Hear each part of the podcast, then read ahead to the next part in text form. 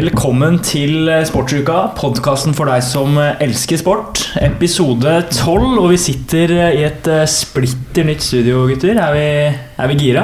Ja, nå har vi jo flytta hjem til Vekselsen her. Splitter nytt studio, ja. Ja. Litt veldig oppgradering. ja. Ja det er litt oppgradering. Eh, vi begynner rett på, vi. Starter med å se på hva som eh, har skjedd den eh, forrige uken. Eh, United, ditt lag, Ola, spilte Champions League mot RB Leipzig. En kamp som ja, skal vi si, sesongdefinerende, eller? Det gikk som måtte gå, det. Fortell. Nei ja, Det var, det var liksom blitt overraska at United klarte å drite seg ut, så det skjedde jo selvfølgelig. De lå vel under ja, en saftig 3-0. Så på en måte at eh, Ja. Jeg, jeg blir jo ikke sjokkert lenger, så ja, da, Som jeg nevnt før, hadde hadde på en måte Hadde det blitt uavgjort, så hadde det nesten vært ufortjent. Så eh, det er helt greit. Det er fælt å si det, men det har blitt sånn. Ja, det var jo eh, Det kunne jo fort blitt uavgjort. Jo, For dere skårer jo to der eh, med Ja, med få minutter igjen å spille, i hvert fall. Ja, ja, men på en måte at det var ja, Det har vært så dritt at det er helt greit.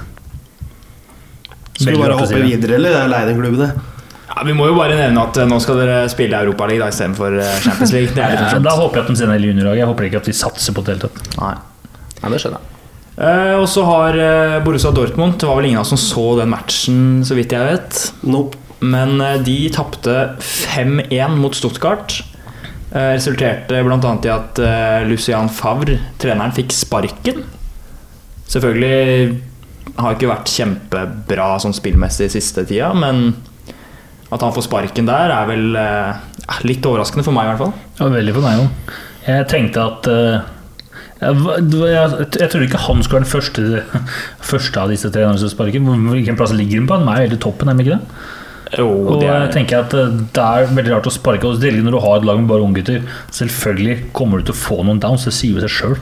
Den ligger på fjerdeplass, tror jeg, um, i Bundesliga. Men eh, ja, altså, det er overraskende. Men på samme, måte, på samme tid så er det ikke det. Fordi jeg synes, Jeg har sett en del eh, matcher pga. Haaland, og, og altså, hvis ikke han er på jobb, så ser det ikke veldig bra ut. Nei, men på en måte øh, Hvem eller hva skal liksom kunne gjøre laget bedre? Når, når du bare har unggutter Jeg syns han har gjort det bra offensivt. da Så på en måte hva Hvordan kandidater er som er der ute? da? Nei, det er jo, det har jo blitt nevnt eh, Han blir jo nevnt hver gang noen får fyken. Det er jo Pochettino. Men eh, at han skal dra til Tyskland og Borussia Dortmund, det tviler jeg på. Det klarer ikke jeg å se han helt. venter ut Ole Gunnar, tenker jeg, borti Han, vil, han venter på. Solskjær eller Zidane, tror jeg. Ja. Nei, jeg klarer ikke å se helt at Pochettino skal ta Dortmund, men man vet jo aldri, da. Det blir jo sikkert en av joker av en eller annen tysk trener som vi ikke har hørt om før. Som har vært sånn her B-lagstrener i Dortmund eller Bayern München eller et eller annet. Og så blir det sikkert kjempebra. Ja, De har jo fått seg midlertidig trener ut sesongen, i hvert fall dere meldte sjøl. Og det er vel faktisk han som var eh, assistent. Han er vel 37, så det er jo enda en ung tysker. da Ja. Og så var det vel noen akademitrener som gikk inn også. Ja, for jeg Eh, tror U21-treneren gikk opp på, som reservetrener, et eller annet sånt. ja mm. For det Så- snakkes jo om eh, eh, tidligere Eller han er vel trener i Salzburg nå, gamleklubben til Haaland. Jesse March, han amerikaneren. Stemmer. eh, snakkes det om. Og eh, ja, det er jo Det blir jo bare spekulasjoner, men eh, ja. Det blir bare mer sjarmerende om det kommer en enda yngre trener inn sammen med det sikkert yngste laget i, i Europa. ja. Ja, altså de må jo jeg tenker, de må, altså de må jo ha den laveste altså snittalderen for et første lag som spiller regelmessig. Da, for at det er, det er jo er det en eller to 17-åringer og masse 18-åringer. og Det er jo helt sykt Det er jo sykt at de får det til. Har noen som drar opp snittet litt, kanskje, men uh, Ja, Det er Hummels, da. Det er vel ikke så veldig mange flere. hvor gammel er Guerreiro? 25-26, kanskje? Jeg tror han er året eldre enn meg, så 26-27. Ja. Ok, han, drar baller, han, han drar mye for at unggutta er 17-18 år, men likevel, han, han er jo ung til en fotballspiller. Ja. Så har du keeperen, da. Birki er ikke akkurat veldig ung. Og... Så altså, det er et par eldre her. Men ja, det er et lavt snitt. Det er det absolutt. Men resten er jo 17-18. Ja. Og så må du ha noen rutinerte. Du kan ikke kun ha Nei. Det er ikke vits til å dra opp snittet, men uh, ja. Nei, men det begynner å bli lenge siden de var i en Champions League-finale. Det sånn. Det er lenge siden. Men når vi først er inne på Hummels, fikk dere med dere den joken han dro på Haaland? Ja, Ja. Gudvallen-joken, ja. Mhm. Altså Haaland ble jo golden boy, som jeg har nevnt her tidligere. Han fortalte jo da at når han vant den, så hadde Hummels kommet inn og sagt til han at uh, det er bare tull. Altså Det var feil, uh, feiltelt stemmene, og dette stemmer ikke, så det blir ikke golden boy likevel. Og det hadde jo Haaland trodd på, da. Så det er en liten morsom spøk fra de eldre. Ja. Vi går videre vi til eh, et Madrid-derby som var på lørdag. eh, Hvor eh, serieleder, eller daværende serieleder Atletico tok imot eh, Eller Real Madrid reiste. Nei, hvordan Nå roter jeg fælt her. Det er jo Madrid begge to. Det er. Atletico kom på besøk. Det var på Santiago Bernabeu. Jepp.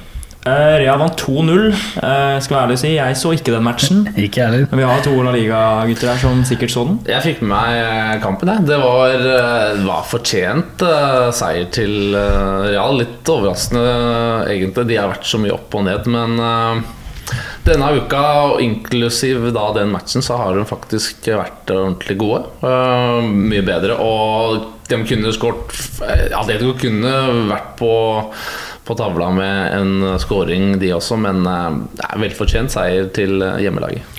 Det er typisk da, Real Madrid at de kommer i disse storkampene hvor de virkelig på en måte henger i snøret. At eh, skal det være noe håp da, om at det skal kunne gå noe her, så må de vinne. Og da tar de selvfølgelig omstiller, og så ser man det man så nå, da. Det, Og så selvfølgelig så var Sergio Ramos tilbake, som er jo eh, svart, eller, svart og hvitt med det laget, med og eller uten han. Så Han er vel kaptein med stor K, ja. ja, desidert beste spilleren kanskje i La Liga nå. Vil jeg tørre å påstå, i hvert fall. at Sergio Ramos er den beste spilleren i, i La Liga Ja, sånn formmessig. Altså Jeg mener at Messi er en bedre fotballspiller, men altså han er jo ikke i form. Formmessig er kanskje litt vanskelig for, for, ute Formessig så kommer han nettopp tilbake Ja. for, for Jo, laget. det, men- man, det han leverer da når han er inne i kantene, hvor mye det betyr for laget, hvis man kan si det sånn Altså Det er jo ingen som har så stor innvirkning hvis du ser statistisk sett på dette her. Altså Real Madrid vinner ikke en eneste kamp uten Sergio Ramos. Ramos. Neida, men jeg vil heller, da vil jeg heller nevne Miquel Oyara Sabal i Real Sociedad, f.eks. Den vinner jo fortsatt uten han, da. Godt poeng. Ja. Så ja, nei, jeg skal ikke si noe mer om, eh, mer om det. Eh, det er krise på Emirates, det sier vi jo hver gang her. Men nå, nå brenner det på dass. Ja, det er jo nevnte det sist, da. Altså, Miquel Arteta det står på tynn is nå. Det er sånn Igjen så må jeg ta opp det derre For nå begynner det å bli lenge siden hvor de, du så tendensene til ting, og så bare gikk det 180 grader andre veien, og nå er det Han lukter fiken eh, i romjula der, eh, fordi jeg ser ingen, ingen forbedring. Man får ikke mye hjelp av de spillerne sine. Jeg så en statistikk på det. Han er den treneren som har fått flest røde kort på laget sitt innen det første året han tatt over som trener.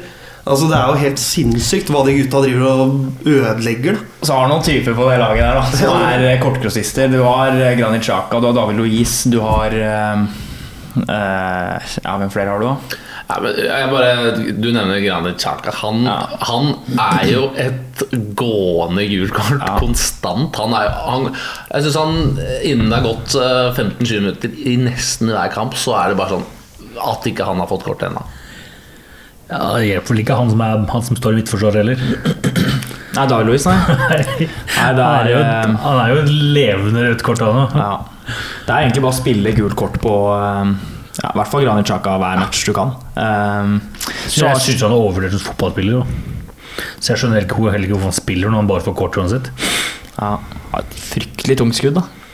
Han har det. det. Jeg har også alltid tenkt at han, han er alltid inn i førsteelveren til alle, alle coachene i, i Arsenal.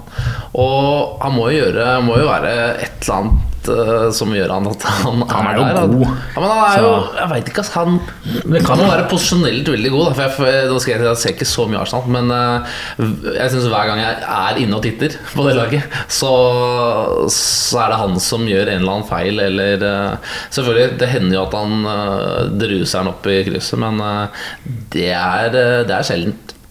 Ja, det, må, det eneste grunnen til det jeg sier at han spiller så mye, er at han må være en vinnerskalle. For det er ikke, det- Når du ser på laget, tenker jeg ikke det er ikke veldig mange vinnerskaller der. Altså Som du tenker, jo, men som du tenker som går i krigen, og ledertyper. da Ja, det, altså det En ting er jo at han er en vaktbikkje, selvfølgelig, som går rundt der og klipper folk ned og tar noen professional fouls, men uh, utover det så ser jeg ikke eh, kvaliteten. Men det har vært litt sånn Alle som har tatt over Arsenal etter Wenger, Så hatt en god start. Folk begynner å snakke om at ja, dette prosjektet skal funke, og nå tror vi det skal ordne seg for Arsenal. Så går det så jævlig til helvete etter liksom et halvt år. Altså, det, det er ingenting positivt å se i det laget der. Det er helt bekmørkt. Og det samme var det også for så vidt når de hadde gamletreneren nå. Så altså, det er De skjønner nå kanskje hvor godt de hadde det under, eh, under Wenger, for da var de jo alltid topp fire. Jeg skulle til å si det. Altså, jo, man kjenner jo en del Arsenal-folk, liksom Eller altså Arsenal-supportere. Og det er jo Man måtte jo på en måte se den her komme. Altså Det Wenger gjorde, var jo kjempebra. Selv om det ble jo ikke så mange trofeer, da. Men eh, altså, de står med to seire på de siste ti Premier League-kampene. Og de har skåra ti mål på tolv kamper. Altså det, er, det, er, altså det er så dårlig, og Arsenal er liksom Når de først får ting til å gli da, Jeg husker det målet de hadde mot Norwich for Det er mange år siden. Ja, det er mange år siden. Men sånn type ting var sånn du så med Arsenal sånn jevnlig. da Plutselig så bare klikka alt sammen, og så var det fem mål, eh, liksom.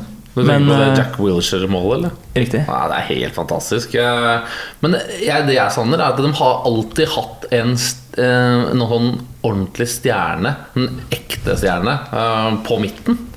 Det har de jo ikke lenger. Nei, det er jo noe så tenker jeg at de har liksom ja, en av Premier Leagues beste spillere, angrepsspillere som er helt ute og, helt ute og kjører. Han har jo Ja, Lacassette er Nei da. Ja. Eh, han har jo bøtta mål, så tenker jeg hva, har skjedd? Altså, Skårte på søndag, da. jo, allikevel, han pleier jo Han selvmål, da. Feil vei, da. Feil vei, da.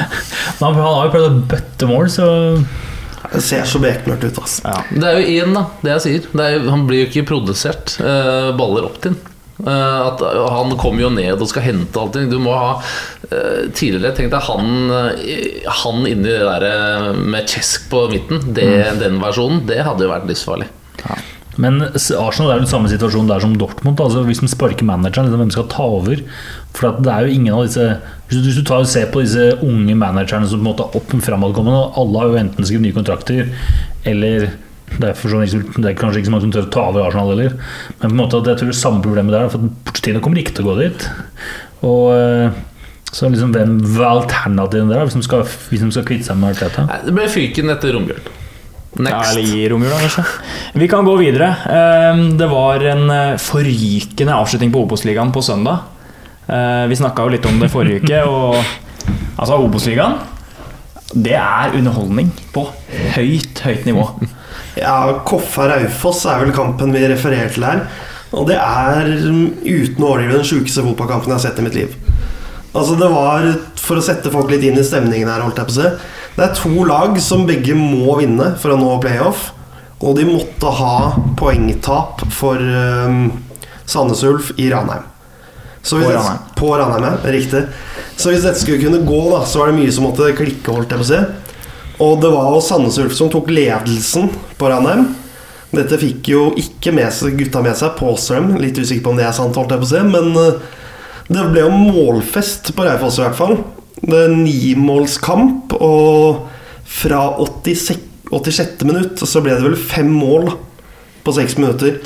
Og det var helt sinnssykt. Ja, det var helt ellevilt. Eh, Jeg satt jo og fulgte først Først så jeg matchen, og så skrudde jeg litt over på, liksom under, nei, på um, Sendingen. sendinga.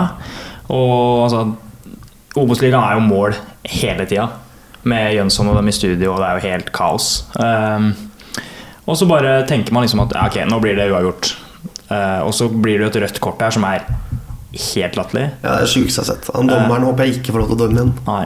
Uh, så det endte jo, for å liksom konkludere, da, så endte det jo med Raufoss-seier. Og de spiller jo nå Faktisk akkurat nå som spiller de mot Åsane. Kan faktisk melde om at uh, Raufoss leder mot Åsane, altså. Borte. Ja. Altså, det er jo gøy hvis det kommer opp et lag fra eh, Hedmarken, og så er det ikke HamKam. Nei. Men veien er lang, da. Altså, de skal jo spille Det blir jo først da skal de til Ranheim og få prøvd seg. Og hvis de da klarer å komme seg videre derfra, så skal de til Fosshaugane og så møte Og de får kun bortekamper. Fordi de ble Og der skårte Åsane 1-1. Der er det en igjen. Så jeg tror ikke Raufoss får den muligheten til å kunne spille mot Strømsgodset, blir det det? Uh, nei, det kan, bli, ja, det kan bli en del lag. Det kan bli Mjøndalen, det kan bli Det kan bli Start. Jeg tror, Det kan bli Godset. Ja, mot det laget som kommer fra Eliteserien, Ja, for si det på den Så veien er lang for eh, de kvaliklagene. Ja, hvis de gjør det, det Det hadde vært kjempekult, som Ola sier. Tenk å få et lag fra, fra Hedmarken opp, og så er det ikke Kamma. Samtidig som det Raufoss-laget er noe av det kjipeste laget jeg har sett. Han trener er den døveste karen jeg noensinne har sett. Ja. Og det beriker jo ikke Eliteserien å få opp Raufoss. Altså, da vil jeg heller ha opp Åsane, som faktisk er et kult lag som spiller kul fotball. Virker som en ålreit trener, mye gode talenter. Heller de egentlig alle utenom Raufoss. Vi skal, ja, vi skal over fra Obos-ligaen til Champions League. Lite hakk opp, kanskje? Ja, for du, du som syns det er så underholdende med Obos-ligaen, hva er Obos-ligaen kontra Champions League? Vi snakker jo ikke om spillenivå. Nei, det skal vi ikke snakke. Altså, det Eh. Underholdningsverdi trenger ikke alltid være den beste fotballen. Men jeg liker ikke folk som skal snakke ned eh, norsk fotball. Altså, jeg har sett, eh, fulgt med litt med på Obos-ligaen på slutten, og det er faktisk ganske stemning å følge med på. Men, eh, og jeg så ikke den 5-4-matchen, som helt klart var eh, ellevill. Men tidenes match, eh, Sebastian Ja, det var det jeg du, tenkte. du som har sett den Barca-PSG-matchen, regner jeg med. Den, jeg. den må være hakket over. Ja, eller Liverpool-Barcelona. Eventuelt. Ja, den var vel motsatt vei, da. Ja. Men eh, Champions League, vi gikk jo eh, Vi tippa jo gruppene, vi, før um, Før eh, Champions League var i gang, når gruppene kom. Uh, og vi har jo egentlig sett litt på hvordan vi ja, hvordan vi gjorde det. For du har vel noe til oss, Ola? Ja, skal vi bare starte gruppa A? Ja. Da skal vi ta hva vi tipper først, eller hvordan det endte? vi kan ta hvordan vi tippa, vi, og så kan vi Ja. Vi tippa Bayern, Yep. Atletico, Salzburg og Real Madrid, eh, Red Bull, mener jeg. Og Moskva til slutt. Altså Ja. Lokomotiv Moskva til slutt. Og sånn endte det vel? Det endte sånn, ja. Det var vel egentlig Full pott der, da. Ja, full pott der. Eh, Salzburg riktignok bare ett poeng foran Moskva, men ja, Det holder, det. Det handla jo om for de to laga å få den tredjeplassen som gir Europa League eh, der, da. Så den eh, gruppa traff vi på. Vi kan gå videre til gruppe B, vi. Da hadde vi Real Madrid, eh, Inter, Shakhtar og eh, Borussia Dortmund. Nei, Borussia Mönchengladbach. Ja. Real Madrid vant jo gruppa Det så ikke ut som det kom til å skje. det var mye surr. Det var en vidåpen gruppe, viste seg å bli. Her skjedde det mye rart. Skiller fire poeng, eller skilte fire poeng fra Real Madrid på første til Inter på fjerde. Altså, At Inter kommer kom på sisteplass i den gruppa. De skal ikke spille Europaligaen. Det tror jeg nesten er litt bra for dem i forhold til ligaen. da. Men ja. Håper. Eh, ja, det ble da Real Madrid 1, Mönchengladbach 2, eh, Shakhtar 3 og Inter 4. Så vi traff på to der, da. Traff på to. 50% Gruppe C. Da hadde vi eh, City på topp, Marseille, Porto og Olympiakos. Ja, City gikk jo ubeseira gjennom den eh, Eller de spilte fem seire og én uavgjort. Mm. De vant jo den eh, Vant kun faktisk med tre poeng foran Porto, altså. Ja, de spilte jo 0-0 i den siste kampen mot Den City, ass. Den er eh, veldig rare i år. Porto spilte jo, syns jeg, også kjempebra. Ja. Bommer jo bare på Marseille Olympiacos, som skilte målforskjell på Ja. tre mål. Så halve gruppa må vi på. Ja. Ja, det er riktig. Ja. Gruppe D. Der- Min gruppe. Der hadde vi eh, Liverpool. Atalanta. Det var vel noen som mente at Atalanta kommer til å vinne her, men eh, vi satte oss som nummer to. Ajax og uh, Mykjøland. 100 100% Atalanta er jo er på 11 poeng i den gruppa, da. Det er uh, De bortsett fra slår Liverpool òg, Liverpool slå Liverpool på Anfield. det var, det, var det, det var et eller annet de, de åpna med tap. Det var det som ødela, tror jeg. Atalanta. Uh, ja, det er godt mulig. Tapte i hvert fall 5-0 uh, hjemme mot Liverpool. Men hvor mange poeng endte Atalanta bak uh, Liverpool? To poeng. To poeng. ja. Skal bare ta med det videre til etterpå, hvordan når vi snakker om renn. Så full pott i den gruppa der. Vi skal videre til gruppe E. Der satsa vi på Chelsea Jep. foran Sevilla. Foran Renn så hadde vi Krasjnodar på fjerdeplass. Og hvor mange poeng endte Sevilla på, Ola? 13 poeng. 13 fortelle poeng. Der, Så det var 12 poeng mer enn renn, da som du mente skulle slå Sevilla. Skal du fortsatt le da at Atalanta skulle kunne slå Liverpool? Ja, det var jo et håp, da. Ja. Men i den anledning så hadde jo vi en uh, liten sånn intern greie Hvor jeg og Ola tippa at Chelsea kom til å vinne den gruppa, mens eh, Sebastian og Mats trodde at Sevilla skulle vinne. Altså Premier League mot La Liga. Eh, og den vant jo faktisk Chelsea. Ja, 13 poeng mot 14. Det, eh, veldig, det er sjelden du ser to lag få så mye poeng. Ja, Så vi er innpå noe begge to, da. Det skal absolutt, absolutt. Eh, det var vel eh, Premier League-hjertene våre som eh, Det er det ene poenget til renn, da. ja. Så nå skal faktisk eh, Mats og Sebastian Dere skal eh, synge noen strofer av eh, Av eh, Chelsea sin sang. Den låta som dere kanskje hører. Ja, vi fikk i hvert fall en liten smakebit der, men Ja. vi får ta det med Vi får ta det på strak arm, Excel. Hvor eh, høyt skal vi ha på Mac-en her? Nei Prøv å spille, så skal vi se hvor høyt det Viktigst blir. er å høre liksom, stemmeprakten deres, tenker jeg. Ja, det er fint, det der. Da kjører vi. vi? Kjører bare på. Jeg, jeg leder i gang Du leder i med opplegget her.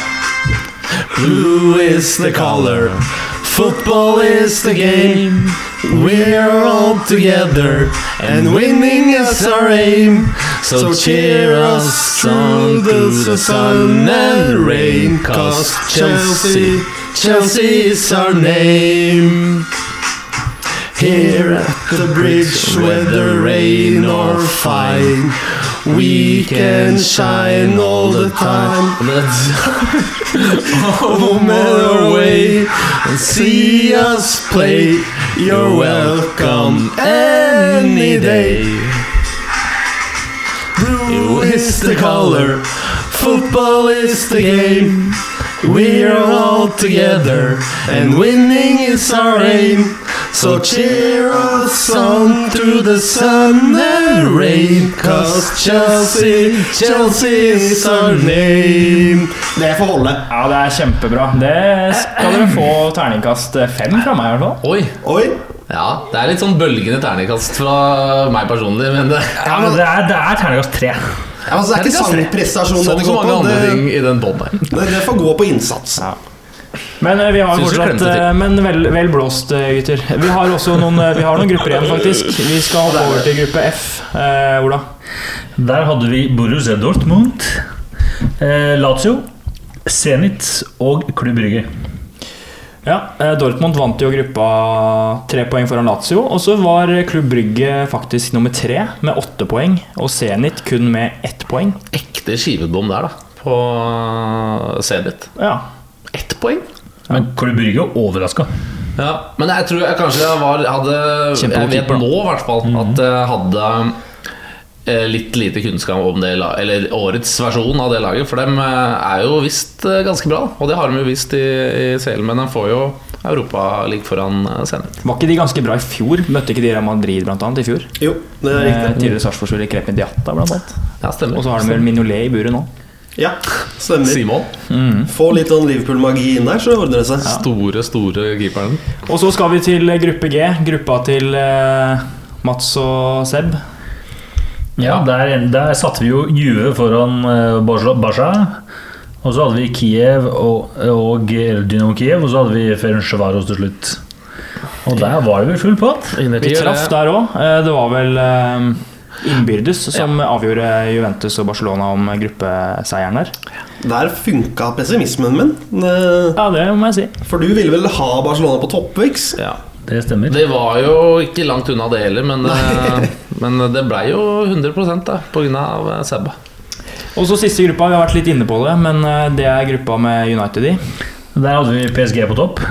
Så hadde vi United, da. Jeg regna med at den skulle gå greit. Eh, Og så hadde vi eh, RB Leipzig og Basak Basakshir til slutt. Ja, Det endte jo da med PSG 1, Leipzig 2, United 3 og Basakshir 4. Så ja, jeg syns eh, det er godkjent, den tippinga vår. Ja, vi har ikke driti oss ut. Det er ikke halvgærent. Men det skal jo altså, det skal godt gjøres å drite seg ut, da. Jo. Når det er de laga. Ja, det er sant. Samtidig som vi har ikke bommet på noen sånne voldsomme greier. Det er vel Den største bommen er vel renn til Ola. Den har, vet ikke om jeg trenger å nevne den en gang til, men eh, Nei. Og så har det jo vært en trekning her eh, av eh, 16-delsfinalene. Vi kan jo ja, i hvert fall gå gjennom noen av oppgjørene. Jeg tror ikke vi trenger å ta alt. Eh, eller jeg kan jo for så vidt bare gå gjennom det. Eh, Mönchengladbach eh, trakk da City.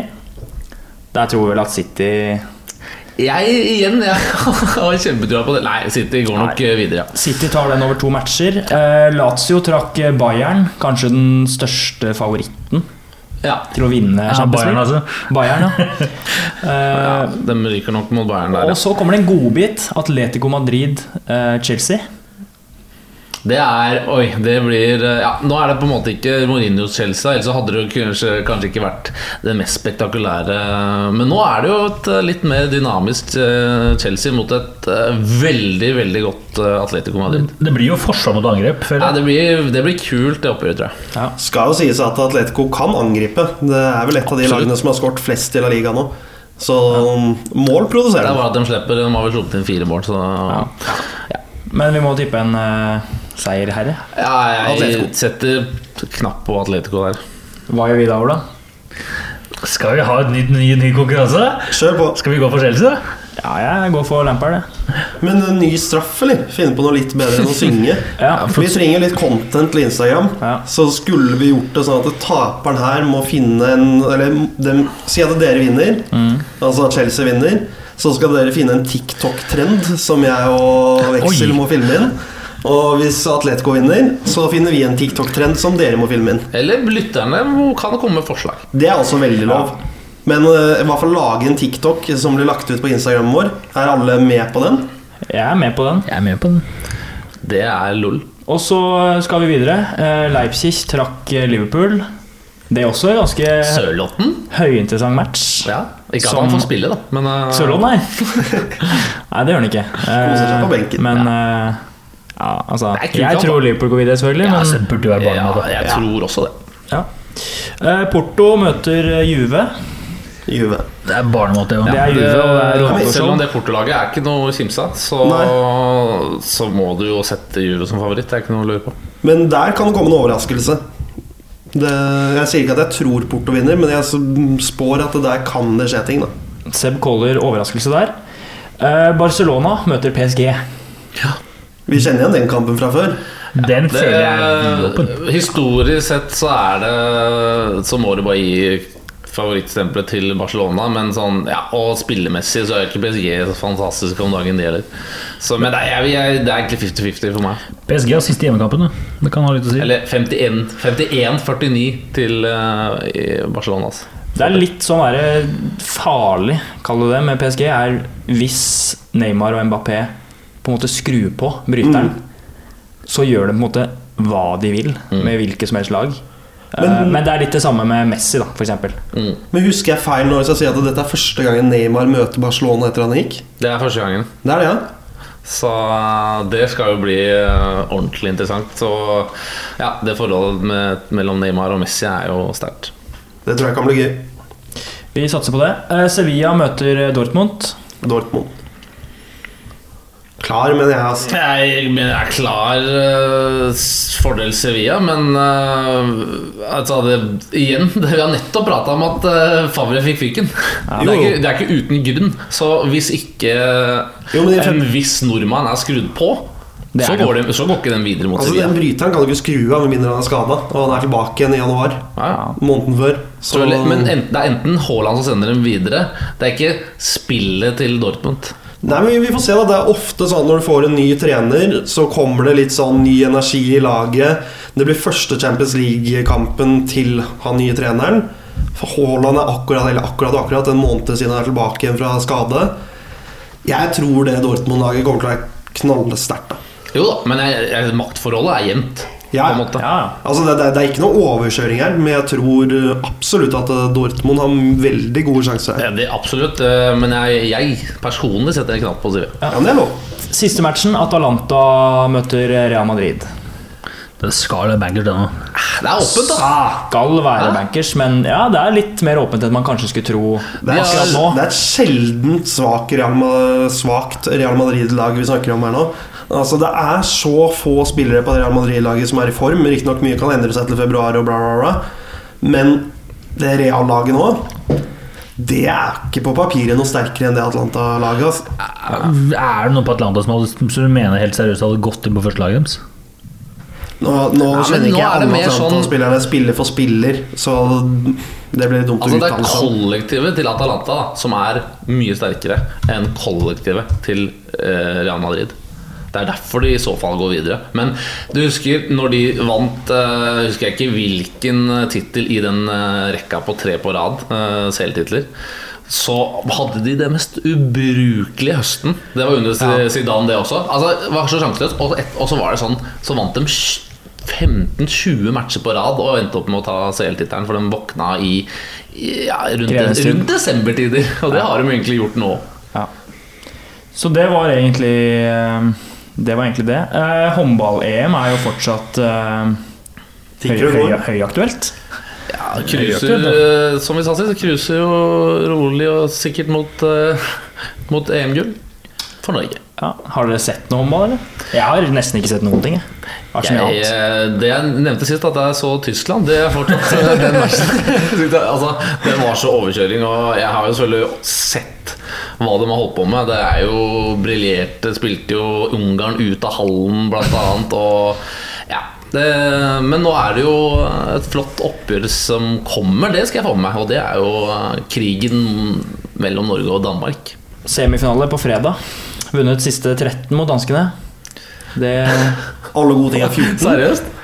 det Siste 13? forteller vel eh, sitt.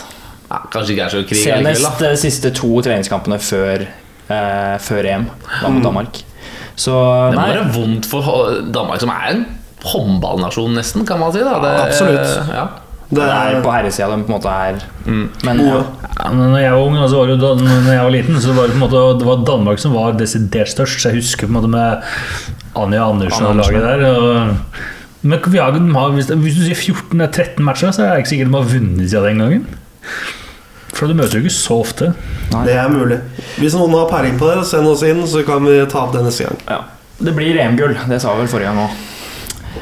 Så skal vi over på vintersport. Vi kan starte faktisk eh, i, eh, i slalåmbakken, eller i alpintsirkuset. For eh, der har jo eh, en eh, kanskje for mange ukjent nordmann Blir det feil å si det? Ja, han har, han har vært såpass mye opp og nikka i de to siste sesongene at eh, han burde ikke være ukjent hvis du ser litt på alpin. Men Nei, men jeg tenker på de som ikke Altså den vanlige sportsfyren som Ja, ikke ser altså- alpin altså, Ja, jeg mener at han er ukjent med mange, for at han er ikke, på en måte ikke, han er ikke den som har kommet frem i media pga. at han han vinner jo ikke. Nettopp derfor. Altså, nå er vi så bortskjemt på alpinherresiden, hvis man kan si det sånn, at eh, det er så å si kun førsteplass som er godt nok for å komme på forsiden av VG. Da. Hvem er det vi snakker om? Adrian Smiseth Seierstedt. Så um, han fikk jo andreplass. Første pallplassen hans og går inn til en andreplass. Fryktelig gøy når det er en dag hvor egentlig, eller en helg hvis man kan si det sånn, hvor nordmenn egentlig ikke leverer helt det man forventer. Kilde er riktignok rask begge dagene, men gjør noe feil som gjør at det går ikke veien. Jansrud, hva har du lyst til å si om han, Ole? Nei, altså Han kjører bra enkeltvis, men han, han, eh, han, gjør, ja, han gjør et par juniorfeil som på en måte koster mye tid. Men det ser ut som han er i form, han også. Så det kan absolutt bli bra. Så skal det noteres at eh, Kilde er nummer én og to på de to fartstreningsdagene. Det er jo sånn at du, nå, før man ser utfor renn, så er det to til tre treninger som er tidtager, eller hvor det blir tatt tiden, og offentliggjort treningstidene. Og der har Alex gjort det fryktelig bra. Så at han er i form, må vi ikke tvile på. Det er litt mer at det ikke satt nå på disse to rennene. Så jeg har virkelig håp for de norske fartsgutta. Virker som det er i bra form, alle tre. Jeg kan jo ta med detaljer også om eh, Seierstad. Altså, han har jo vært et talent i mange år. For når han var 17 år, så tok han, eh, da tok han eh, NM-gullet foran Svindal utfor. Så skada han seg året etterpå og var jo borte i to sesonger. Men, eh, så på en måte, han, er, han er jo en mann folk av, i alpinstyrke har hørt om veldig lenge.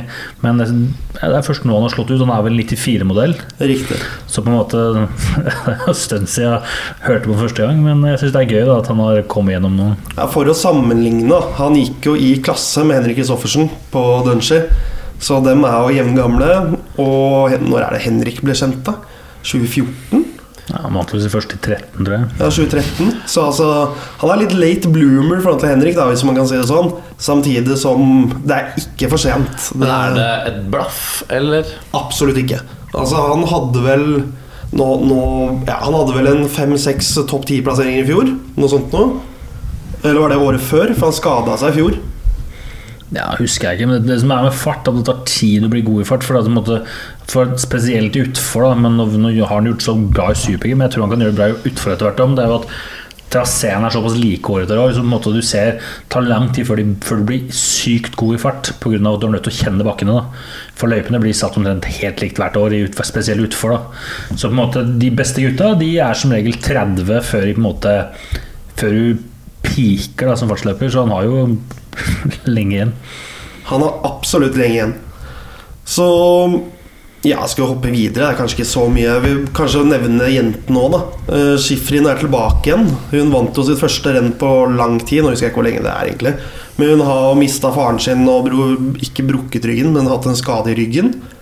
Og man så tydelig at dette har preget henne når hun kom inn i mål til ledelse og vinner. Altså Hun klarte jo ikke å levere et intervju engang etterpå uten å grine, og mor kom bort og trøsta henne. Og, det var ganske fine bilder. Så ikke sånn kjempebra de norske, men uh, fin trend totalt sett for Schifrin sin del. Og Petra Vellova sin rekke ble å kalle det endelig brutt.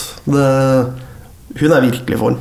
Så hun er bare å sette penga sine på. Noen ord om Mowinckel, kanskje? Ja, jeg syns det var kjempebra at hun kommer tilbake. Etter å ha vært borte Jeg tror du mener at det var 646 dager til forrige renn. Og eh, Det er altså over to sesonger. Og jeg, jeg syns hun imponerte comebacket sitt. For det mange glemmer, er jo det at det er mye lettere å komme tilbake som fartsløper pga. at det er, så, det er ikke så hardt for knærne. Storslalåm er knallhardt for knærne dine. Og når du har kommet med to eh, kneskader etter hverandre Du ser også mange andre, andre jentene som har kommet tilbake som har hatt kneskader. Ta en østerriker, Brunner etter at hun røyk jo kneet tre ganger i løpet av tre sesonger pga. at hun kom for tidlig tilbake og satsa fart. Så på en måte at jeg syns Mange mener at eller i hvert fall én her, mener at Movink ikke leverte, men jeg syns hun leverte bra etter hvert comeback. Jeg syns det var litt skuffende. Men, altså, det var ikke krise, det er ikke det jeg sier, men jeg forventet mer. Ja. Men så må vi kanskje bare melde, legge til en ting som jeg glemte å nevne her.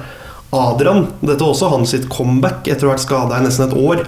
Så det å komme inn rett inn på en andreplass da, veldig, veldig imponerende. Det er kruttsterkt. Eh, vi skal fra alpint så skal vi bevege oss over til eh, skiskyting. For eh, altså det laget vi har, vi sa det sikkert forrige uke òg, men det skiskytterlaget vi har, spesielt da på herresida, det er jo bare, altså, det er bare vinnere. Det er helt enormt. Denne gang Johannes Dale, som uh, tok sin første verdenscupseier på sprinten. På fredag, var vel det? Ja, i, i, I år så er vel faktisk alle, alle de som gikk nå i helga, alle har vel vunnet sesongen her. Ja. Ja, ikke Bjøntgård, da. Nei, Bjøntgård gikk ikke. Han gikk ikke stafetten, han. Nei, du tenker på stafetten? Ja, jeg tenker på stafettlaget. Ja. ja, alle bortsett fra Bjøntegård har vunnet uh, i år. Og det har vært Vetle ikke vunnet.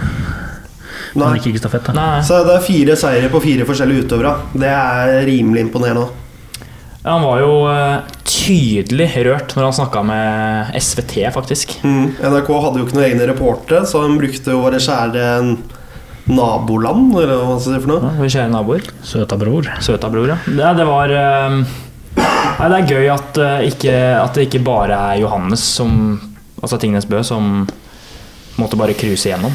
Og han ser jo faktisk litt sånn Når man ser langrennstider og sånn, så er han normalt sett raskest. I hvert Han er fall ikke i helt form nå. Nei, han er, han, er liksom, han er ikke i form, og likevel så, så er han oppi der, liksom. Han, ja, jeg har jo alltid sagt med Tingnes Bø at han kan vinne med, han kan vinne med bom mer enn de andre. Men heldigvis nå skyter han jo så bra, altså nå vinner han jo likevel. Men du så jo det nå i helga, når han bomma. Han var jo plutselig et halvt minutt bak. Og hadde det vært i fjor, da, så hadde han vunnet disse rennene likevel. Ja, og han eh, bomma jo faktisk eh, ganske mye han på stafetten. Kommer inn på siste skyting eh, sammen med Samuelsson. Strafferunde på Fem. stafett. Fem bom på stående, det, det vet jeg ikke om han har gjort før. Altså På en sånn skyting, det tror jeg, det tror jeg ikke han har gjort på trening engang. Altså det, det, skal, det skal ikke være mulig av en løper av hans kaliber å bomme, bomme fem på fem på stående. Altså. Det er sagt. Ja, så Sverige tok oss faktisk på stafetten. Ehm, det er vi ikke så veldig, veldig vant til. Spesielt ikke på skiskytingssida. Ikke på langrennssida heller, for så vidt. Men Jeg likte at Bø la skylda på våpenet. Og det er ikke våpenet, men det var på hvor eh, ekstraskudda står. Ja. At den delen var det noe feil med. Ja. Da tenker jeg at jeg legger skylda på det. Ja. Jeg trengte jo to ekstraskudd sist også. Ja. Men jeg tror på en måte ikke at Jeg, jeg tenker jo at sånn teknisk skyting, så tror jeg ikke det har så veldig mye å si hvor disse skuddene står. At, uh, du, Altså, du vet jo hvor de står. Ja, og du får dem oppi. Og det er jo ikke det, det er jo ikke at han ikke fikk de oppi, det er at han bomma. Ja. det er jo ikke bra statistikk da på de to siste rennene.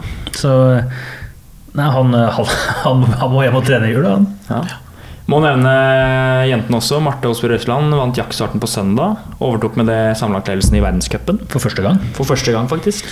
Og i, sånn som i fjor, så var, kom jeg jo seint med, for du hadde, vært, hadde jo ikke en sjukdom på høsten. For du kom jo seint inn, og du vant jo bøttevis med den. Vi Så- var jo OK i et VM for noen år siden òg. Ja, det var faktisk i fjor. Ja. Så jeg vil jo tørre å påstå at hun er altså i mine øyne så er hun en av de store store favorittene til å kunne vinne sammenlagt, og det er jo kjempegøy. Ja. Noe annet som var gøy, var eh, hopp-VM, eller skiflygings-VM. Granerud med sølv. Fryktelig surt sølv. Et halvt poeng skal ikke være lov. Og det var jo da format hvor eh, de hoppa to individuelle renn. Hvor alle fire hoppa teller. Og så skiller det 0,5 poeng. Ja, du hopper en kilometer på ski, og det skal ikke gå an da å tape en- eh, Hva skjedde det sist i 73, var det ikke det du sa? Ja, noe sånt. Og eh, ja det, det, det, altså, det, er, det er jo litt som at en dommer mener at du håper jeg var litt dårlig, så jeg gir en, jeg gir en et halvt poeng dårligere eller et halvt poeng bedre. Og Dette har jeg diskutert med noen andre, men jeg syns den der tyske dommeren kan ta seg en bolle. i hvert fall Fordi han ga jo alle tyskerne så gode karakterer.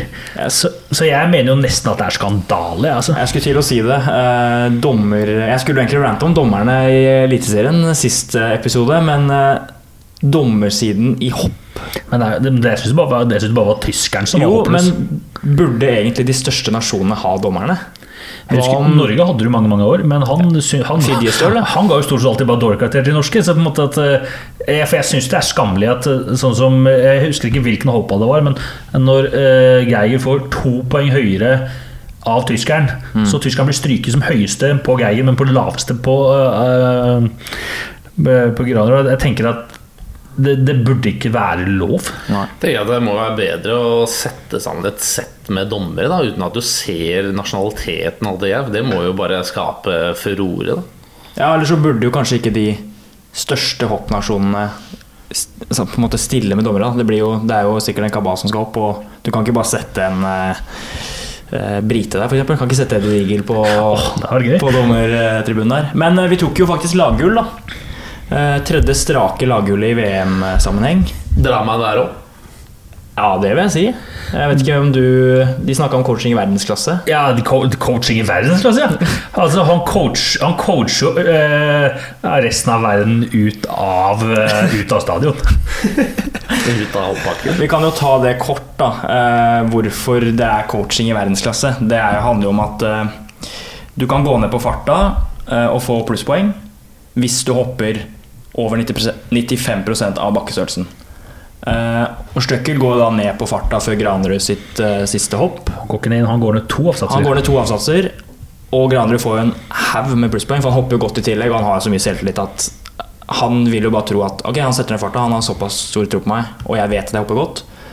Og tyskeren går jo også ned, fordi tyskeren hopper til slutt. Går også ned på farta. Men Geiger hopper jo ikke 95% av bakkestørrelsen, så han, får hopper jo ikke de pengene poengene. Så han taper jo enormt Jeg tror han tapte var det 30 poeng til Granerud på det siste hoppet. Så vi vant jo med 19 poeng. Ja, 19 poeng, for vi var 11 bak. Ja, Uh, og Geiger var jo egentlig pissur når han kom uh, Ikke i mål, kom ned der. Og snakka litt om treneren at hvorfor skal vi gå ned på farta, liksom. Det var vel hyggelig for Det var vel Stjernen, uh, eller? Han første som hoppa, som ødela for eh, Ja, forfang. forfang. Forfang var Som, litt eh, eh, langt nede. Han ble vel, han ble vel, han ble vel Ja, sorry. Men uh, Forfang det var, ble vel fornøyd, da, tenker jeg på. Ja, Så, det, ja. Men det jeg er gøy med det, er jo det at, de, at det blir så overlegent at sjøl om selv om Geir hadde hoppa fra den andre avsatten, så hadde fremdeles Norge vunnet. Ja. Fordi rett og slett at han det, det var et helt vilt hopp. Ja. Nei, det er gøy å følge hopperne for tida. Så kan vi bare minne om at hoppuka starter 28.12. Så litt eh, Det er vel norsk favoritt. Ja, absolutt. Det blir gøy, ja. Ja. Gøy. Eh, vi skal over på langrenn. Vi, eh, vi har jo ikke med noen norske utøvere, men eh, det er jo langrenn fortsatt. Ja, eller det er jo ikke Det, det er rart at han har langrenn nordiske grener, så er, det ikke, så er ikke Norden med. Ja, Det er spesielt det greiene som skjer nå med at Norge ikke stiller og ikke blir Tour de Ski, og Sverige er ikke med. Og det er, Nei. altså Langrenn er ikke langrenn uten de nordiske landene. Og så, Da må vi på en måte bare ta på oss den nisseluen og si det at det er ikke den samme sporten, og det er ikke like gøy lenger. Jeg har ikke sett et eneste renn jeg, etter at Norge trakk seg. Altså Jeg driter i hva som skjer med russerne hvis ikke Norge går mot russerne. Ja. Og det er vel ja. Det, er vel, det er vel derfor vi ikke gidder å snakke noe mer om det. Ja, For det Hopp videre. ja. Twintip, det ser jeg ikke ofte på. Nei, det ser Men det jeg har Sebastian på. Sett på, for han er eh, vår vintersportorakel. Twintip syns jeg kanskje er en av de mest undervurderte sportene, for å ta det. Altså, det er Altså, nå, nå kaster jeg ut mye brannfakler hele dag, da. Men det er etter min mening noe av det mest spektakulære du finner. Det er liksom turning med ski på beina. Jeg syns i hvert fall det er fryktelig gøy. da Anbefaler alle å ta en liten titt på det. Nå var det jo verdenscupåpning i Stubai. Eh, Da var det første damene som starta litt sånn middelmådige prestasjoner. Nå er det sånn at twintip og for så snowboard da, blir jo dømt på en skala fra 0 til 100. Hvor du på en måte, hvis du er oppå hva skal man si for Hvis du får 100 poeng, da så har du gjort noe som ingen har gjort før. Da har på måte pusha det som måte de ser på som grensen for mulig å gjøre. da Ja, du kan jo ikke få mer enn 100. Nei, men hvis noen får 100, så vil de da endre grensen. For da ser de ok, noen har fått til noe vi ikke trodde var mulig, og da må vi på en måte uppe skalaen igjen. da Uh, Jentene vant med 86, nei, o- o- 86 poeng. Hun Tesla død. Uh, Andreplassen gikk til vår kjære Killy, norsk jente. Hun fikk 81 poeng, og det forteller litt hvor dårlig på en måte, nivået er på. Når gutta Jo, jo, men altså, for å sammenligne her, da. Uh, Ragetli, han som vant på guttesiden, han fikk 95 eller 94 poeng. Altså Da er det oppe og pusher hva man måte ser på som mulig. da Og da sånn, Beste måten på en måte å rangere dette på, er disse poengene. Fordi selvfølgelig gutta gjør friple corks. da Jentene gjør kanskje en double cork, og det er helt sensasjonelt. Så det å på en måte sammenligne dem på triks opp mot hverandre er jo ikke mulig. Men derimot så kan du sammenligne på poengen, da. Så gutta leverte jo ekstremt mye bedre. I tillegg så hadde vi to nordmenn på pallen. Numedal på andre og Ferdinand Dahl på tredje. Så Oppegårdgutt. Dahl Oppvokst i eh, Ingerkollen. på Greverud. Riktig. Så virkelig en bra dag for de norske, da. Så det blir morsomt å følge med videre. Ser dere mye Twintip, eh, dere andre? Jeg ser det én til to ganger i året. Hvis det er OL, ser jeg det på, og så ser jeg det på X, X Eller det heter vel ikke Twintip, det heter vel freeski? gjør det ikke? Freeski, men jeg kaller det for twintip. Ja, twintip. For det, Jibbings nede i gamle dager.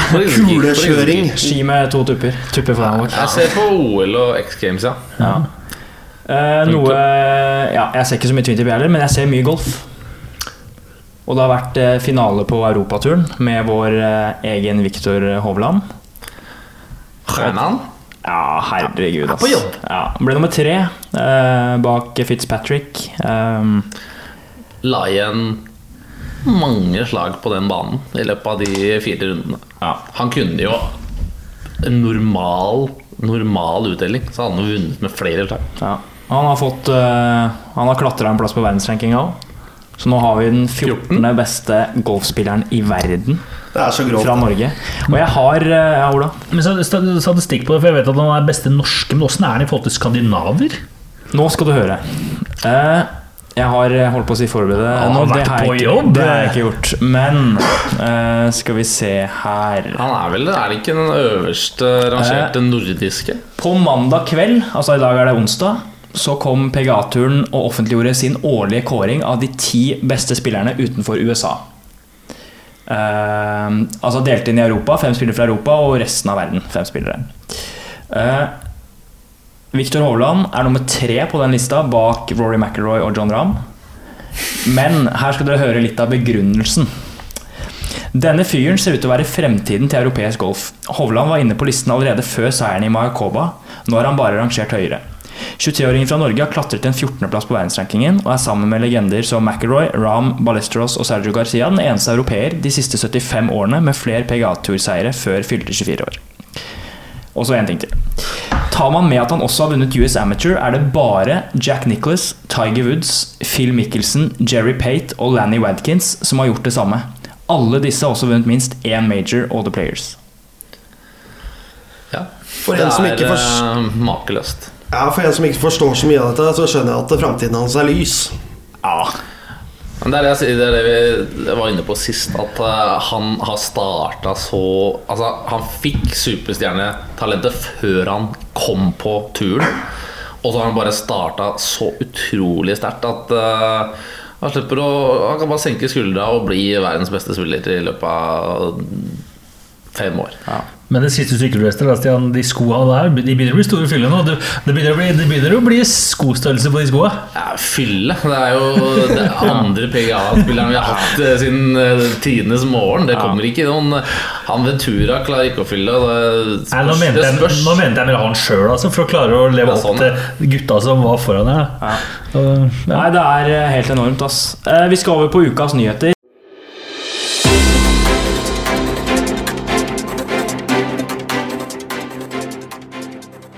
Kan, eh, jeg kan egentlig begynne med, at, med å si at Silje Norendal, vår eh, mest kjente snowboardkjører på damesida, eh, legger opp.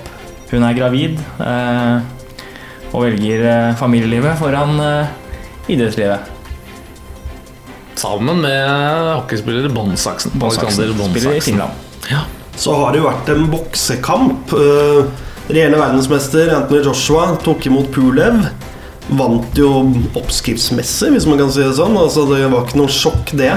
Men det som er Ikke noe sjokk, men det som er på en måte det morsomste med dette, her er jo det er jo en match alle har ønsket de siste fem til seks årene. Det er Tyson Fury mot Anthony Joshua.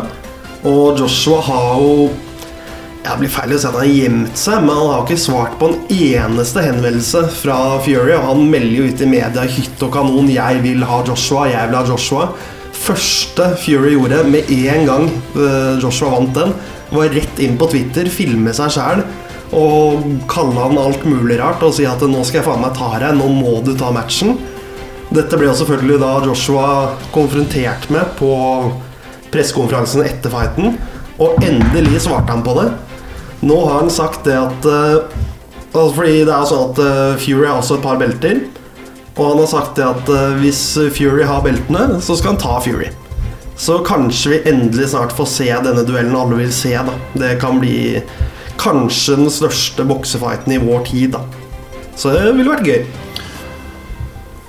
Mats? Jeg kan ta, jeg. Da omhandler det en fotballspiller ved navn Quincy Promes, som har vært i media de siste par dagene. Han eh, ble søndag, uh, sist søndag pågrepet av nederlandsk politi fordi han i sommer holdt en fest hvor han kom i uh, krangel med et familiemedlem, hvor han er uh, mistenkt for å ha knivstukket dette familiemedlemmet, og eh, det er bare helt natta. Ja, jeg kan ta med en ganske fersk nyhet om at eh, West, nei, West Bromwich sparket reneste Slaven Bilic. Og der går ryktene på at den fantastiske Sam Allardyce tar over.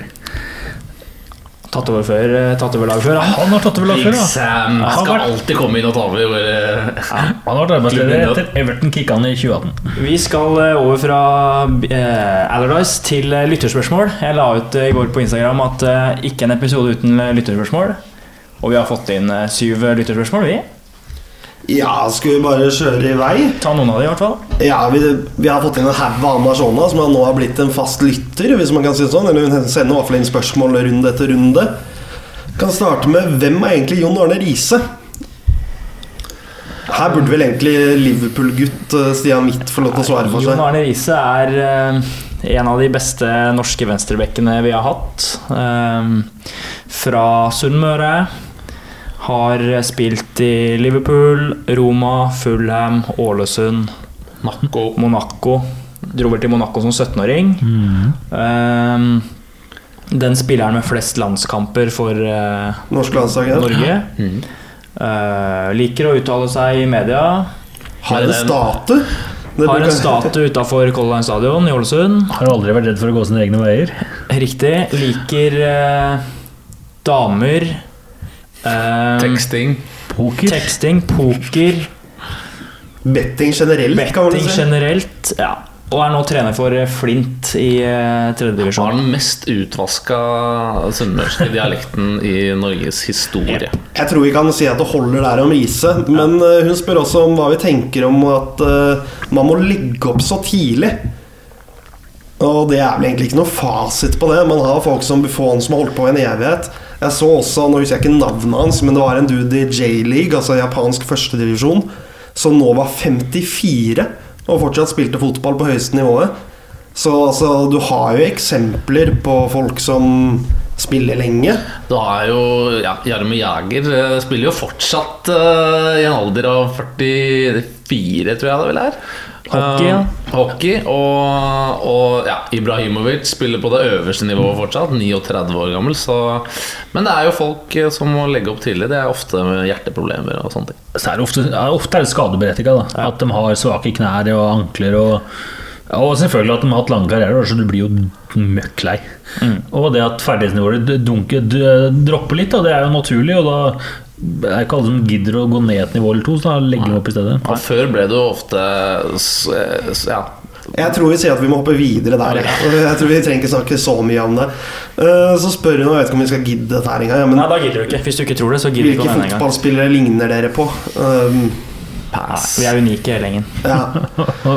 Eh, Hva er den verste fotballskaden som har blitt vist på TV? Den mener jeg, i hvert fall fra mitt synspunkt, er ganske klar. Det er Krohn Dæhlie i Sevilla når han brakk beinet tvers av om man så alt innvendig, hvis man kan si det sånn. Ja. Nei. Det er hva du legger i liksom verste. Det kan være verst eh, hvordan det ser ut, eller hvordan Utfallet er. Du har jo Dagfinn Enli som mm. det eh, brakk nakken eh, tilbake i 2005? 2004? Ja, 2005. sånt, ja. Det var når Vålerenga vant serien. 2005. Men det verste jeg ser, er når det kommer sånne flykick-taklinger eh, med på, på standfoten. Og det er I bakken, som står, ja, som eh, står og ja. har tyngde på. Det er grusomt, altså. Så kan vi gå videre, da. Uh, Kan fotballspillere velge selv hvilke fotballsko de må ha på, eller er det bestemt av treneren? Det er ikke noe treneren har så veldig mye med å gjøre.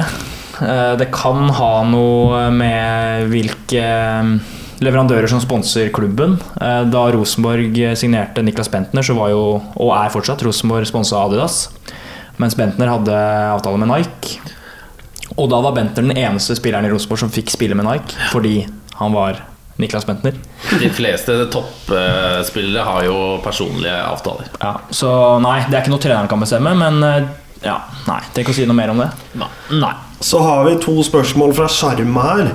Arsenal, hva må til for å snu hele skuta? Ikke bare nå, men den retningen det har gått de siste ti årene. Vi har vært litt innpå det. Hvis du spoler tilbake 30 minutter på podkastavspilleren din, så får du høre det. Vi har ikke noe svar på det, men vi er i hvert fall innpå det.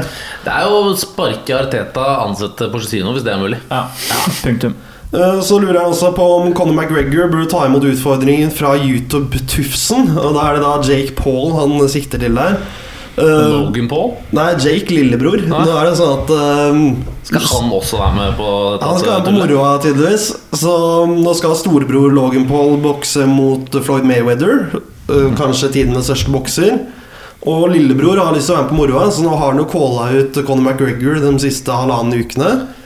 Gått til angrep på kona hans sånn verbalt på sosiale medier. Og i går så tok han og bombarderte Dylan Dennis, altså sparringspartneren til McGregor, med dopapir og vannballonger på sånn pressetreff. Så han er virkelig ute og ypper, da, men nei. Etter min mening, den burde han ikke ta. Altså, Hvorfor i all verden skal han gjøre det? Nok penger. Denny. Og hvis han skulle tape, da for det er snakk om boksing her og ikke MMA Hvis McGregor skulle tape den, da er jo han ferdig. Altså, Du kan ikke ha tapt mot en YouTuber og fortsette fighting-karrieren din. Det, altså, Han trenger ikke de pengene. Det, er ikke verdt risken, egentlig. greit Så har vi et spørsmål To spørsmål har vi eh, fra Stefan Pettersen. Eh, Dere kan diskutere hva som er endret fra sist EM for håndballjentene. Hva er su suksesskriteriene denne gangen? Det er vel det at man har fått tilbake en del viktige spillere. Ja, vi snakka om det for to Forrige- uker siden, vel. Ja, noe sånt noe. Så, ja. Altså, Laget er litt mer sammenskjørt igjen og fått tilbake de store spillerne. Ja. For å oppsummere litt, da. Ja.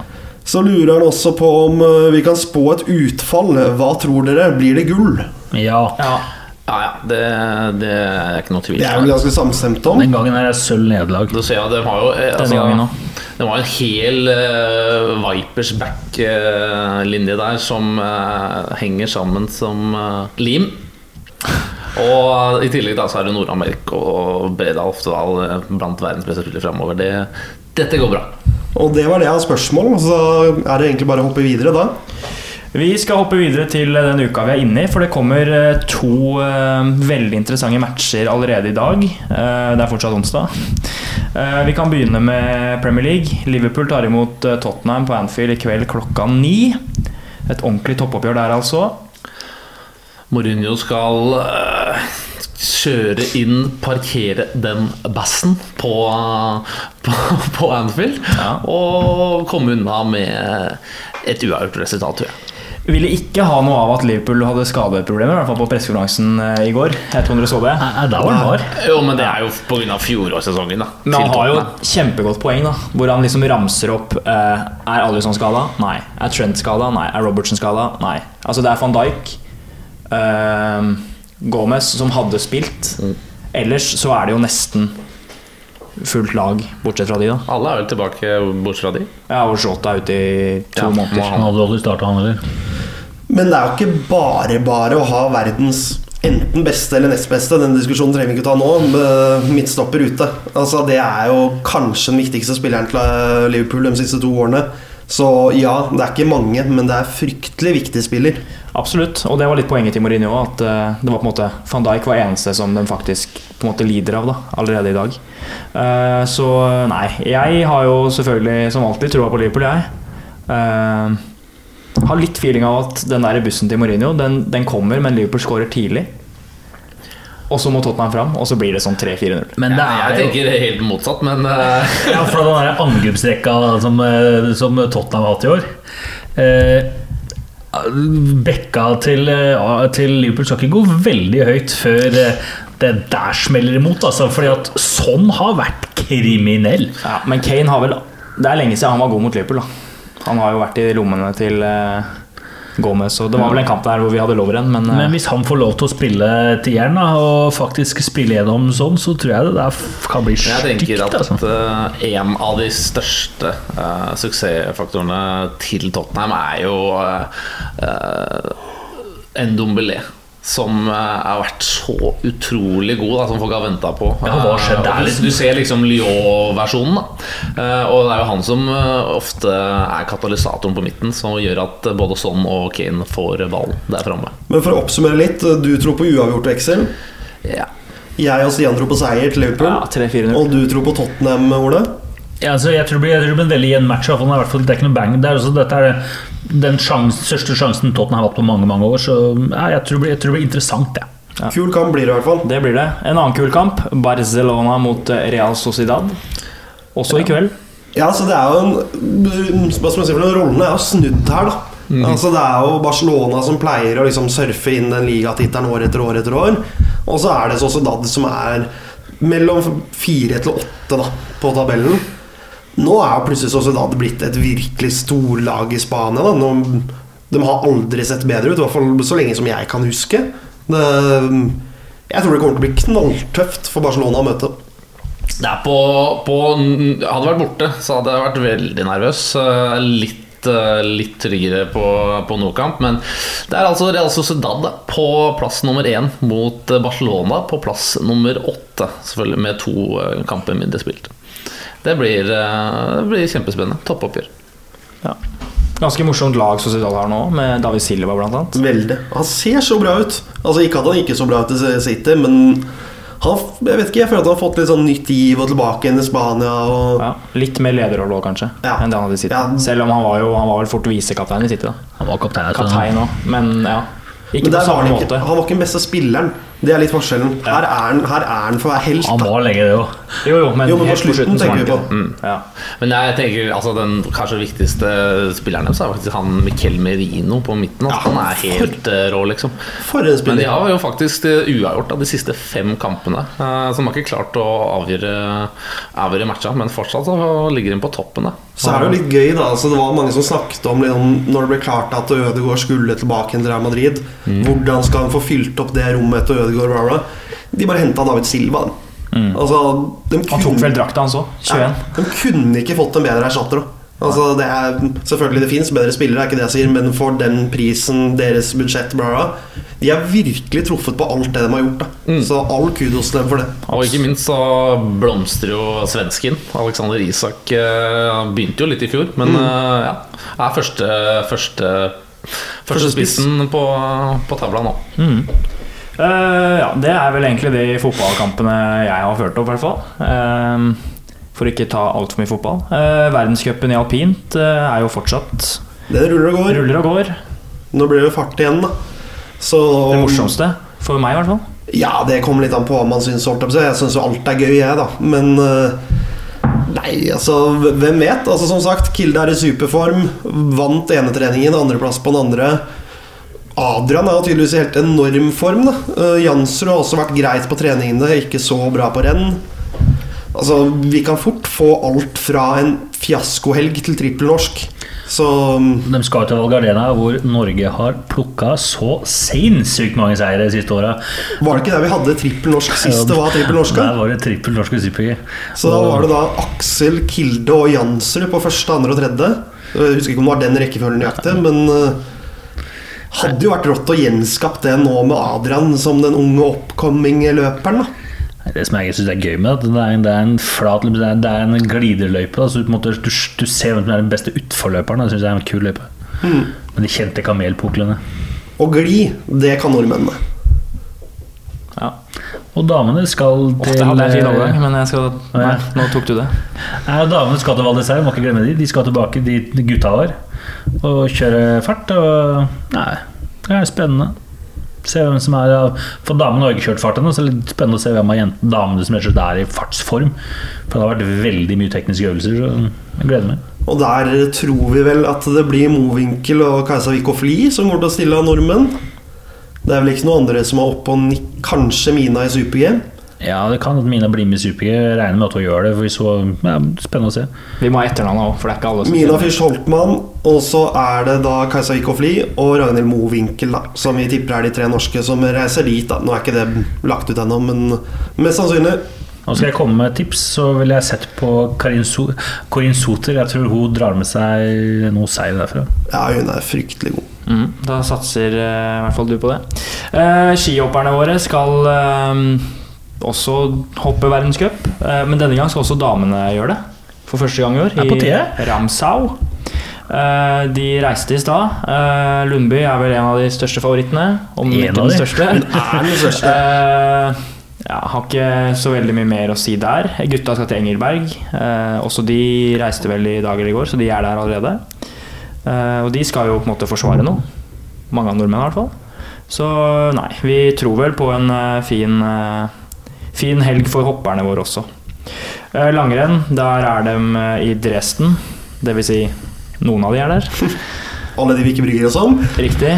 Og russerne får jo masse poeng som Ja. nordmennene ikke får. De får vel stikke, stikke fra i, verden- i sammenlagtcupen nå, så ja. Var det ikke sånn at Pellegrino vant sitt første sprintrenn nå siden Klæbo kom på World Cup-landslaget? Det var jo en duell der ganske lenge, men eh, nå er jo den helt, Helt borte. helt borte. Uh, jeg trenger ikke å si så veldig mye mer om langrenn eh, enn det. Uh, helt til slutt, uh, på sportssida, golf. Det er faktisk PNC Championship. Det er turneringa hvor Tiger Woods skal spille med sønnen sin. For det er da turnering hvor de spiller med et familiemedlem. Det er 20 stykker med. Du- Du må ha vunnet en major for å være med. Og Det er derfor Tiger Det er det er, er med. der, ja. Ja. Så det er 20 deltakere. Tiger er med, Justin Thomas er med sammen med faren sin. Bubba Watson er med, og Matt Coocher er med. Hvordan pleier nivået da å være på de andre familiemedlemmene? Eh, altså, de er jo gode golfere. Eh, Men er det noen familiemedlemmer her som er sånn som faktisk både far og sønn har spilt på PGA, f.eks.? Ja, Justin Thomas, eh, faren hans, har gjort det. Og han er jo alltid å se på sønnen sin. Men, eh, jeg har lyst til å spørre deg, Mats. Eh, har du fått hole in one før? Jeg har ikke fått det. Jeg har vært nærme ved flere anledninger, men nei. Sønnen til Tiger Woods, Charlie Woods, han er 11 år. Han, han fikk sin første hole in one da han var åtte år. Det lurer jeg ikke på. Og svingen hans, vi har sagt det før, den ser helt klin lik ut som helt, far sin. eh, helt identisk av eh, Du så jo, har jo bilder av Tiger Woods når han er åtte år også. Er, altså, de ser så like ut. Eh, og selvfølgelig, du har jo lært av verdens eh, beste. Men- uh, ja. Lite spørsmål der. Er det barnet til Lincy Vonn nå, eller er det en annen mor der? Nei, det er en annen mor inni det, er der. det er til svensken. Ja. Ja. Ja, for det hadde jo vært helt rått om du hadde Tiger Woods som far og mestvinnende damealpinisten som mor. Nei, Det- jeg husker ikke hva hun heter. Ja. Hun heter Emma et eller annet, tror jeg. Det er godt mulig. Svensk, i hvert fall. Ehm, ja. Eh, Så formatet er jo da best ball. Så det vil si at begge slår ut, og så velger man da den beste ballen. Han slår de annet annethvert slag, da. Uh, nei, nå skal jeg fortelle. du, du slår hver gang, da. Hver gang slår Ah, ja, begge to. Puttene og sånn også. Så Jeg er litt spent på å se det, fordi altså, han er 11 år, han kan ikke slå så veldig langt. Nei, det blir jo Så det blir jo til Tiger. Det sier jeg selv. Men, men, men altså, hvis, hvis Tiger er på jobb, så vinner de jo. For han kiden er uh, sykt god. Det- Jeg gleder meg er skikkelig til å se det. Kan spille begge, ball, spille begge to ball, hver sin ball hele veien, liksom? Nei, hør her. Uh, jeg og X, vi er nå Tiger og Charlie Woods. Begge vi slår ut på ti, og så slår jeg i fairway. Mats slår i en bunker. Da velger vi ballen min, som ligger i fairway. Og så slår begge ball derfra. Okay, ok, så Så jeg slår først, Man slår og så, mann. og så legger veksten ned ballen sin og slår fra samme stedet. Og så slår vi opp eh, på green, mest sannsynlig. Og så ligger jeg fem meter fra hullet, mens Mats ligger to meter fra hullet. Da velger vi Mats sin. Og så har vi to forsøk fra to meter. Ett ja, sånn, ja. Så nei, det blir fryktelig. Det, går, det er vel to runder, tror jeg. Begynner søndag. Ja, har det går ganske seint. Har du noen favoritter, da? Eh, Odds-favoritten er vel Justin Thomas og far. Men jeg skal komme litt tilbake til det faktisk på tippelappen. Oi, oi, oi, spennende. Eh, så ja, det blir spennende. Hmm. Noe mer å legge til? Nei. Anbefaler alle å se på. Ja, det blir kjempekult å se sønnen. Ja, det er show. Ja. Eh, vi skal over på 21 spørsmål, vi. Har du, en, eh, har du forberedt noe Jeg til oss, Jeg har forberedt en utøver, du. Skal Ja. vi se. Det gikk jo fort uh, sist gang. Det gikk fryktelig fort. Med Trine Atsa var det åtte spørsmål. var det? Ja, sånt. rekord. Ja, hvis ikke seks. Um, jeg er klar. jeg. Det er bare å begynne, Stian litt. Uh, er det en sommeridrett? Uh, Eller nei, glem det. Er det en dame? Nei. Nei. Eh, Jeg spør deg, er det en sommeridrett? Ja takk, begge deler. Det betyr at det er en helårsidrett, altså det er det du prøver å si? Ja. Oi. Helårsidretter. Nå ble jeg satt helt Fotball eh, er en helårsidrett. Ja. eh, er det en fotballspiller? Nei. Ehm, er hun eh, Nei, var det en dame eller mann? mann? Ble en mann, ja. Er han fra Norge? Nei. Europeer. Nei. Ok. Eh, amerikaner? Ja. Ok, helårsidretter. Tenk. Hockey kan være helårsidrett. Om man spiller 80 matcher, så sesongen er jo så latterlig lang. Pluss plus sluttspill og sånn, så er hun plutselig oppe i 700 matcher i året. Så det Ehm, er det kan være friidrett òg. Det, kan være- det, er- det er ikke blir ikke helårs, men eh, Nei, jeg har aldri sett spydkast på vinteren, i hvert fall. men det var innendørs. da. Men det, det, det du burde definere, Nei, da, om er hvilken OL det er med i. Ja. Er det sommer-OL? Er det en OL-gren på sommeren Nei. som utøveren Ja, Det ser ikke ut som det er med noe OL på den reaksjonen der i det hele tatt. Da Skal har jeg jeg helt ærlig så var jeg litt sånn usikker, men nei, jeg tror ikke det. altså Her kan du google det, da. Sånn at vi Ja. har det, liksom. Ja, for det er kjedelig Å, nei, ok, det var den. Men da er det jo ikke en sånn kjempe Da er det ikke en sånn kjempesport, liksom. Eller altså, det kan det være, Så, det men var ikke, så han var usikker på om det er en sommer-OL-gren. hva er det vi har, da? Amerikaner? Mann, amerikaner, helårsidrett. Ja, det er det. Det er. OL-gren. Mm. På sommeren. Ja, da tenker jeg Når man snakker helårs, okay. da kan det være golf, da. Nei, jeg tror jeg er inne på noe her nå. Altså. Ja. Tenker du det? Eh, Jeg tror vi skal til dopingens verden og sykling. Nei. Men uh, Tenk til Lance. Men Eh. sykling Vi kan ikke regne det selv om man kan sykle inn i en velodrom. Så, altså, eller de starter jo- så. De på, liksom, jo på vinteren i USA, da. de starter jo i, de starter ja, Australia. Sykling er helårs, altså. Fair enough. Men det er eh, ikke det. er det på, er, er det på grønt gress? Det, nei. Nei. For jeg tenkte da utelukka jeg veldig mange idretter. Ah, Vi må tenke OL-grener på sommeren, da. Um, jeg tenker liksom noe Liksom kapp Tror du det er kan, eh, eh, kan det være Hvor mange amerikanere kappgang, amerikanske kappgang Nei, men jeg tenker bare nei, altså, Jeg kan ingen.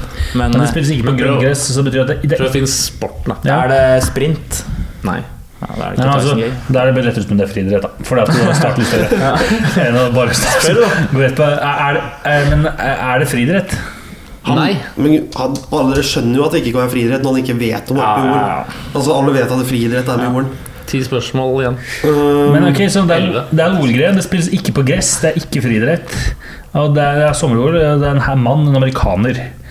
Eh, Da må vi tenke å snille er Driver han uh, Spiller han basket? Nei. Da er det ti spørsmål igjen. Kjære Ja, fordi men Da må vi begynne å fanke Jeg tenkte kanskje at den her skulle funnet dere ut, men det er, det er, ikke, så, det er ikke så vanskelig. Nei, vi vet hvem det er. Ja, Ja, okay. veldig godt. Men det er ikke så ja. man vet. Er, er det det våte element? Nei.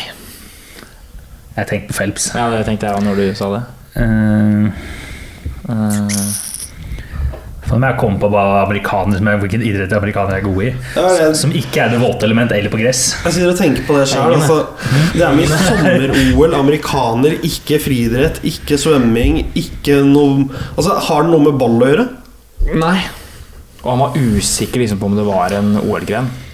Um, Altså, Da begynner jeg å tenke på sånn fekting og sånn, men det er jo ikke noe Nei, der kan det ikke er jeg bare amerikaner.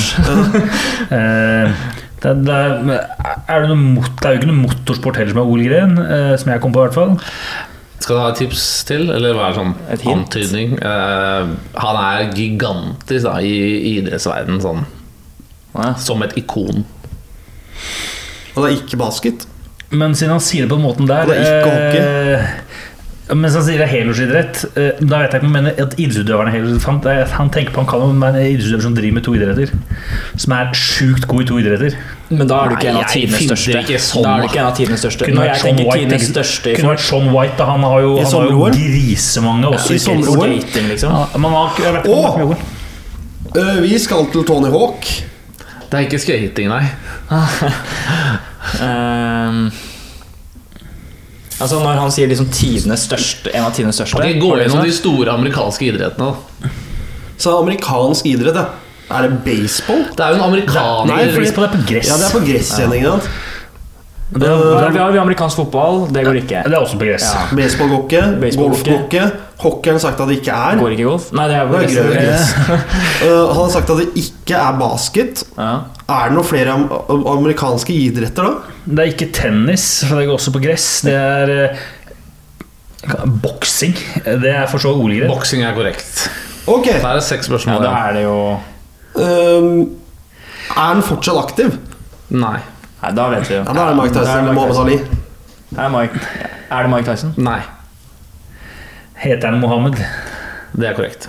Ali. Ja. Mohammed, Mohammed Ali, Ali, ja. er Deilig. riktig. Også Men, kalt Cassius Marcellus Clay jr. Skuffa at du ikke visste at det var OL-gren, for det er de originale OL-grenene fra den når Jeg har aldri sett på boksing på OL, så det må være derfor. Nei, det er fordi det er amatør. Altså Når du bokser i OL, så må du være amatør. Nå er det ikke amatør lenger. Det ble omgjort etter for, til forrige OL for at Brekkhus vurderte om hun skulle stille. Stemmer. Vi skal fram til eh, vår, vårt siste segment, nemlig tippelappen. Eh, Skal vi ikke ha ukas anbefaling? Nei, vi hopper over det. Og vi dropper det. Vi dropper det. Ja, det blir litt langt, dette her. Ja. Da kjører vi, så kjører vi tippelappen. Er det noen som har lyst til å føle seg kallet til å begynne? Jeg kan begynne. Ja. Jeg har uh, Først forrige uke. Husker du hva du hadde forrige uke? eller? Ja. Jeg hadde dessverre null poeng. Da hadde Chad Costello-scoring for øh, Stavanger. Han var skada. Så spilte ikke matchen engang. Og så hadde jeg jo, prøvde jeg meg på Gladbach til pause mot eh, Real Madrid, men det gikk heller ikke. Den Nei, skal vi ta Vi tar først forrige uke nå. Ja. Ja. Jeg hadde Newcastle hjemmeseier mot West Bromwich til 2,30. Den gikk inn. Eh, og så hadde jeg at golfen skulle avgjøres etter playoff. Det røyk med ett slag. Jeg hadde at Westham skulle ta Leeds. Det var til 3,35, og den gikk inn. Og så hadde jeg Aldermatt i Super-G og til 13 jobb, så han ble nummer 13, så jeg fikk ett poeng der, så jeg fikk 4,25. Ja, den eh, småfrekken på Adrian Seierstedt. Jeg spådde at han kom på førsteplass. Han hadde 201 i odds. Han kom jo som sagt på andre, og fikk da 100,5 poeng. et halvt Og var Også, opp. Bare for å nevne den andre også. Jeg hadde Betis mot Villarreal på seier til Villarreal. Det blir uavgjort, da. Så null poeng der. Ja, da kan vi egentlig gratulere Sebastian med ja, er seieren er i tippelappen i sesong én. Jeg har jo nevnt det et par ganger at de der 100-oddserne Det går jo blir bare Så. Sebastian, gratulerer som vinner av sesong én. Takk, men vi må huske altså, jeg at gir ikke opp nå, skal jeg finne alle Nei. Sesong én er jo ferdig i ferdig i dag. Slapp av. altså, Ikke noe grunn til å skrike i munnen på hverandre her, men uh, vi ble jo enige om at vi skulle ikke ha noe se, måte, seier til vinneren. Det skulle være en straff til taperen, og det må vi ikke glemme her. Så vi må snart bestemme på en måte en frist for nett, når dette går ut, og en straff. da Så jeg foreslår at uh, alle vi fire tenker over til neste episode. Og så må vi komme med en konklusjon da, da. Ja. Ja. Vi går på Og en ting til, kan jeg bare skyte inn en ting før du fortsetter? Alle dere som hytte, lytter på, hører på Jeg klarer ikke å prate engang. eh, hytter på. eh, kan dere komme med forslag til hva straffen skal være? Eh, vi er åpne for alt. Det blir for drøyt, så blir det selvfølgelig ikke tatt med. Men fine straffer som kan enten vises på Instagram, eller at det kan brukes i poden, tar vi gladelig imot, da. Og det er ikke vi som foreslår å skinne, skinne oss. Nei, selvfølgelig. Vi tar imot det meste. Får ikke lov av mamma heller. Um, da går vi på denne uka, eller? Jeg har gått for eh, Villarreal-seier borte mot Osasuna. 2-10 odds. Og så, i kveld, så spiller uh, Manglerud Star i garasjen mot uh, Altså hjemme mot uh, Lillehammer. Da går jeg for Mats Trygg scoring. Legenden. 10 odds. Deilig. Ola? Jeg går for faktisk at Tottenham tar Liverpool i kveld. Til fire et eller annet. Jeg husker ikke helt nøyaktig. Det må jeg sjekke etterpå. Eh, og så går jeg for at eh, ah, Dominic Paris tar uh, utforseieren i, valga, i valgarena. Er det sånn 300 odds eller hva. På ingen måte. Der snakker vi maks en ti. Han er tilbake fra skade, så jeg håper oddsen er litt høyere pga. det. Jeg har eh, godseseier borte mot Odd på lørdag. 3.40 står den til. Et godselag som eh, Hvem skal holde seg? egentlig må vinne. Eh, og så har jeg Team Woods til å vinne. Tiger og Charlie. De, de står til syv i odds, riktignok. Men uh, det hadde vært så kult, det. Ja. Så vi satser på at det går. Jeg prøver meg på en til sånn 100-oddser, jeg. Eh, som Excel er fryktelig glad i. Nei, men Det er egentlig bare for at jeg syns det er litt gøy med norske unge Men da må du Vet du? Vi må ha nye regler. Da må du komme, du må komme Det- topp ti, i hvert fall. Det får vi ta til sesong to, så får vi gjøre om reglene hvis vi vil det. Nå har vi lagd et regelverk for denne sesongen. Så jeg har satt uh, Kajsa Wiik og Fli på utform. Aner ikke hva oddsen er ennå, men det kan fort være sånn 200 odds, det òg. Eller ikke odds i det hele tatt, som jeg også har gått på smell på. Og så har jeg satt at det skal bli uavgjort mellom Everton og Arsenal til 3,65. Så jeg har troen på at Arsenal kan få det til bitte litt. Men vi får se. Det var eh, egentlig det vi hadde for i dag. Eh, litt usikkert om det kommer noen ny episode før, eh, Nyåret. før på nyåret. Så det gjør vel ikke det, eller? Nei, med mindre vi Blir vi positivt overraska, i hvert fall. Altså Ola drar hjem til Eilo, kongen av Geilo. Ja. Men med mindre vi tre andre finner ut at vi skal kjøre en eller annen romjulsspesial, eller noe, så er det stor sannsynlighet for at dette er siste før nyåret. Så kanskje ønske alle god jul og godt nyttår. Ja. Kan vel egentlig ønske god jul og godt nyttår. Se masse sport eh, i jula. Hoppuka, Tour de ski, Tour de Ski, Og Boxing Day. Alpint. Det er mye godt som kommer. Ja. Og så er det bare å samle opp spørsmålene til nyåret, nyåret, og så tar vi dem gledelig imot, da. Ja. Da sier vi rett og slett god jul! God jul! Tor